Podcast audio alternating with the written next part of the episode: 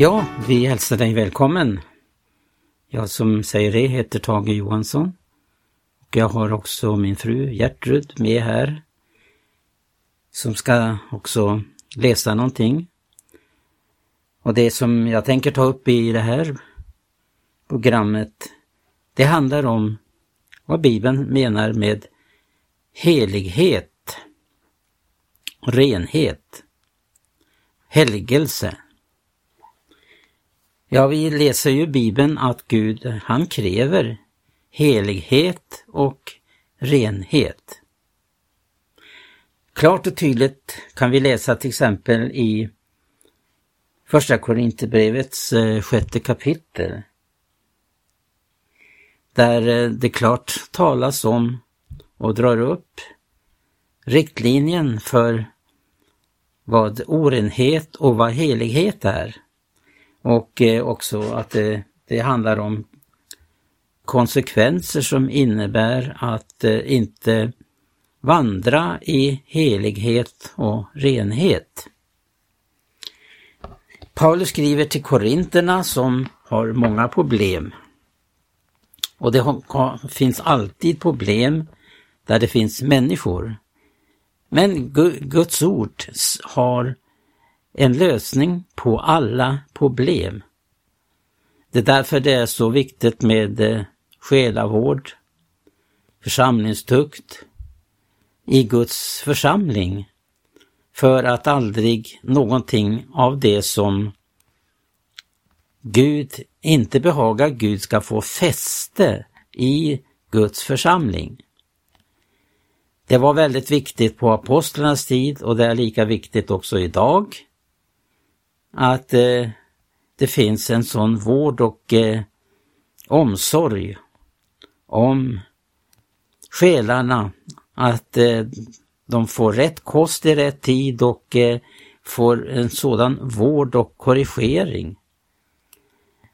Och eh, att eh, det hela tiden handlar om att församlingen måste ha det som mål då det är frågan om att den ska vara då ett heligt tempel till exempel.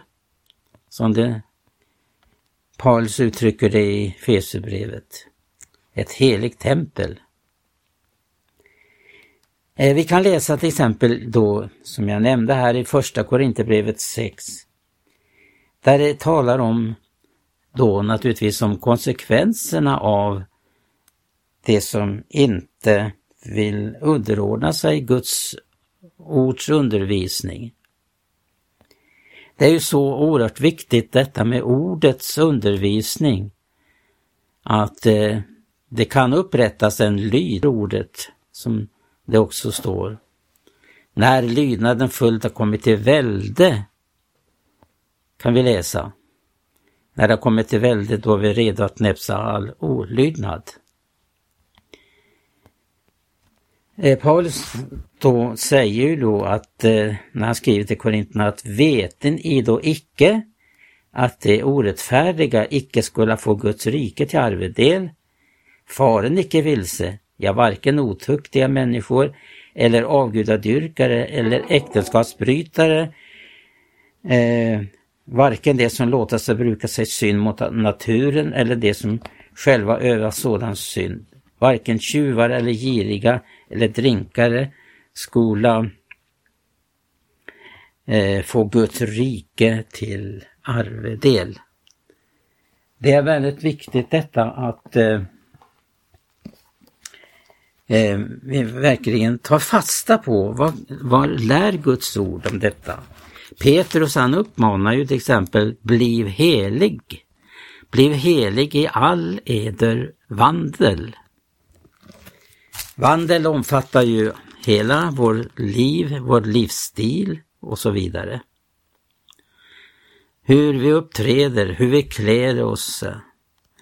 Ja, det här har ju Gertrud varit inne på den sista tiden och talat, men jag upplever att eh, det är så oerhört viktigt att eh, man inte kommer in i en falsk säkerhet då det handlar om helighet och helgelse.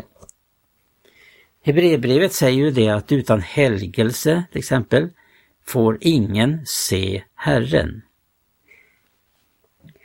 När, eh, när Jesus då kom hit ner till människorna så eh, när han begynner sin verksamhet så börjar han på ett märkligt sätt. Och det är just att undervisa människorna om hur Gud vill ha våra liv, hur vi ska leva våra liv. Och då är det ganska märkligt det här om vi tänker oss vad han undervisar om i, i eh, bergspredikan. Han säger ju det att, ja lagen säger, lagen säger någonting, men då tänker vi inte på den eh, eh, lag som gällde för Guds eh, folk eh, i Gamla Testamentet där det mm, vad man skulle äta och så vidare. Men det fanns de tio budorden. Eh, det var väldigt viktigt. Att det var någonting som faktiskt många eh, Eh, nationer har byggt upp sitt lagsystem på. Det kan här, härledas just till de tio budorden. Men här begås ett stort misstag i många sammanhang. Och det är frågan om att man misstolkar detta. Och eh, man är livrädd för, för allt vad lag heter. Men det är ganska märkligt att Jesus gick längre än vad lagen sa. Han gick så djupt ner i människors hjärtan att det blev uppenbarat hur det var ställt med dem. Men han bara inte uppenbarades ondskan i människors hjärtan. Han också visade en väg till befrielse ifrån allt det som eh, eh har, som följer med då efter synd, syndens eh, intåg i människosläktet. Ja, det finns ju ingen rättfärdig, säger eh, Romarbrevet. Alla har väl avvikit. Allesammans är odugliga. Och därför var det så viktigt också att den undervisning Jesus kom med då det gäller bergspredikan också skulle finnas en möjlighet att förverkliga den. Och där kommer vi in på ett mycket ömtåligt område eh, där man missförstår det här. Att eh, man blir lagisk och man då tar upp. Men Jesus, han eh, undervisar klart och tydligt bergspredikans innehåll för människan. Och det handlar om att också på det viset överbevisa människan att ingen kan eh, uppfylla bergspredikan utifrån eh, utan att för först vara en ny skapelse i Jesus Kristus. För det står ju det att om man är en ny skapelse i Jesus Kristus då är det gamla förgånget. Ja, Paulus han, det är ju en tiden är ju, tiden är förbi då ni levde i orenhet. Men han som gav bergspredikan, han också hade ett löfte med sig att han är mäktig att uppfylla bergspredikan hos oss. Och det kan inte ske utan att vi får uppleva den helige Ande. Det är väl en eh, viktig upplevelse för den som börjar vandra på trons väg. Att verkligen komma till slutet med sig själv och uppleva att bergspredikan kan inte uppfyllas i egen kraft utan att han har givit oss den helige Ande. Först och främst genom den nya födelsen men också genom dopet i den helige Ande. Därför att om vi vandrar i ande, som det står i Galaterbrevet, då gör vi inte köttets gärningar. Och Det här med att uppleva att Jesu bud, Jesus talar ju om buden till exempel i sitt det, det, det eh, evangelium som, som aposteln Johannes skriver. Han skriver då och då att Jesus sa så här att eh, den som har mina bud och håller dem, han är den som älskar mig. Det är en stor upplevelse i detta. Stor upplevelse i att eh, få uppleva att det här bygger inte på ett tvång utan det är kärleken som blir drivkraften att jag håller hans bud. Många människor upplever det här också då som vi kan se i en eh, bok som eh, David Wilkerson skrev, Stöt i basunen. Här man eh, upplever att eh, man inte har en sund syn på detta vad det gäller helgelsen, vad det gäller lagen. Jag ska be Gertrud läsa en och en halv sida från den här boken och överskriften den lyder Det religiösa kommer att ropa lagiskhet. Ja, vi läser där. En av mina medarbetare växte upp i ett mycket strängt hem där TV var förbjuden.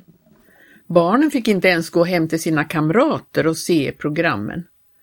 Den här mannen berättade vad han och hans syskon fick utstå därför att deras pappa ville leva heligt. De blev utskrattade och hånade för detta. När han sen gifte sitt barn lovade han dem att de alltid skulle ha tv hemma så att de inte skulle behöva bli retade. Men när han fick se hur hans son blev mer och mer upprorisk och började leva sig in i det som han hade sett på tv, började han känna av den helige Andes maningar inom sig. Han kom till mig just som jag höll på att skriva det här kapitlet och utgöt sitt hjärta för mig. Vet du vilka det var som kritiserade oss när vi var barn? frågade han. Det var väl djävulens anhängare, svarade jag. Nej, det var medlemmarna i församlingen, sångarna, barnen i kyrkan och pastorer i andra församlingar som gjorde sig löjliga över min fars så kallade lagiskhet.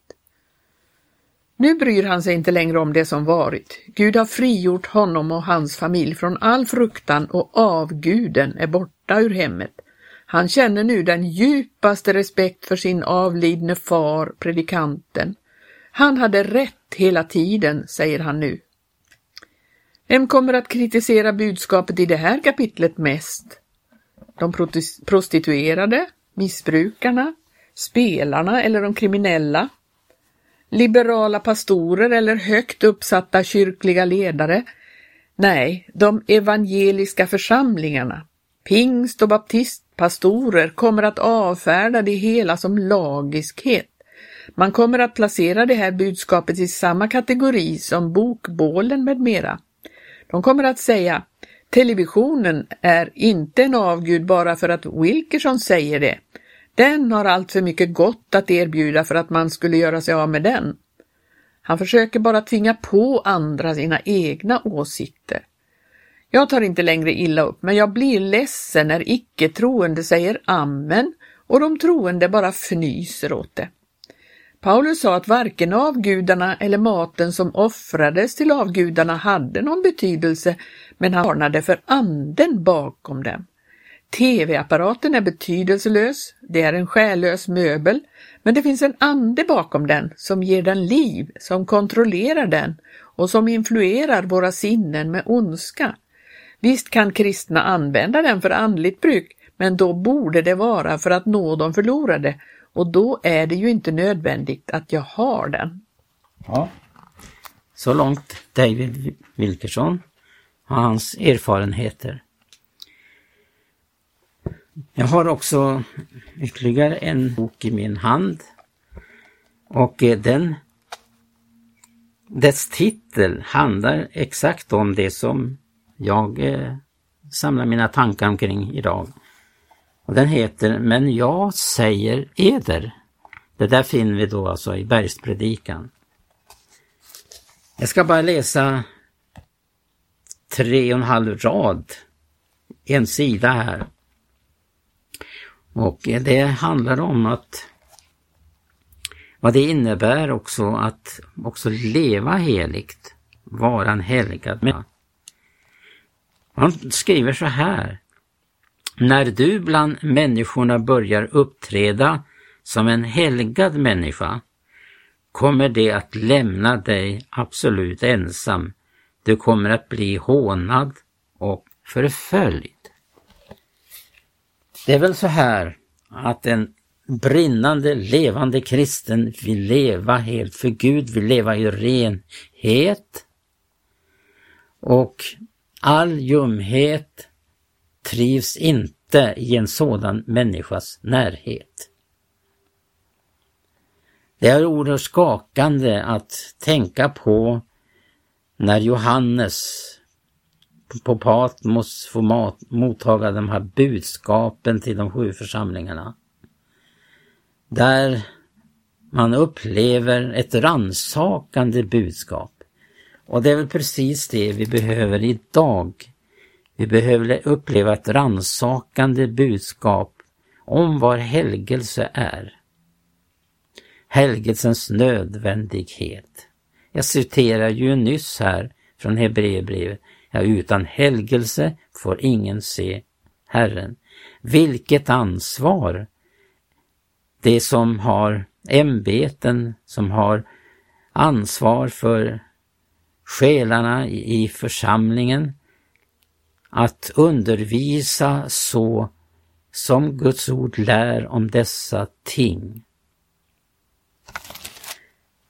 Ja, det finns ju så underbara riktlinjer i Guds eget ord. Och eh, det talas ju till exempel, jag läste här nyligen från Efesierbrevet om hur man bör förstå vad som är Guds vilja. I Efesierbrevet eh, 4 från den 29 versen står det Låt inte ohöviskt tal utgå ur eder mun, utan allenast det som har gått till uppbyggelse där sådant behövs, så att det blir till välsignelse för dem som höra det. Och bedröven icke Guds helige ande, vilken har vi nu undfått såsom ett insegel för förlossningens dag. Ja, all bitterhet, häftighet och vrede, all skriande, smedande, ja, allt vad ondska heter, varit fjärran ifrån eder. Jag måste ta med också ett ord i eh, första Thessalonikerbrevet.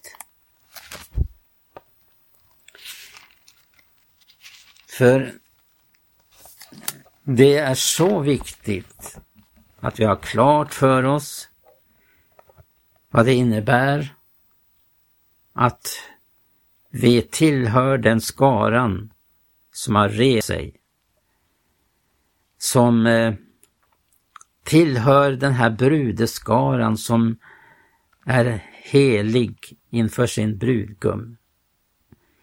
Och det är väldigt viktigt eftersom Paulus skriver så här i Första Thessalonikerbrevets femte kapitel, där det då talas om helgelse. Men fridens Gud själv helge eder till ande, själ och kropp. Och eh, att, eh, att deras kropp skulle befinnas vara ostraffliga vid vår Herre Jesu Kristi tillkommelse. Och så kommer den 24 versen som jag redan har påmint om då det gäller att helgelsen är ingenting som vi kan åstadkomma i egen kraft utan vi behöver den helige Ande. Därför när Gud skapar någonting så sår han ut först ordet. Och därest ordet blev mottaget i människors hjärtan, i trofasta hjärtan som det står i liknelsen om såningsmannen, därest man mottager ordet och eh, man vill eh, åtlyda ordet. Och den stund man gör det så kommer den heliga Ande oss till hjälp för att uppfylla ordet, vad ordet säger. För det sker icke genom en människas styrka och kraft detta, utan det sker genom den helige Ande. Och därför så är den här 24 versen fullt i det här sammanhanget där det står Trofast är han som har kallat eder, han skall dock utföra sitt verk. Eh, Paulus talar då, som jag redan har nämnt, eh, hur han eh, skriver till Korintheförsamlingen. Vi kan till exempel läsa i Andra Korinthierbrevet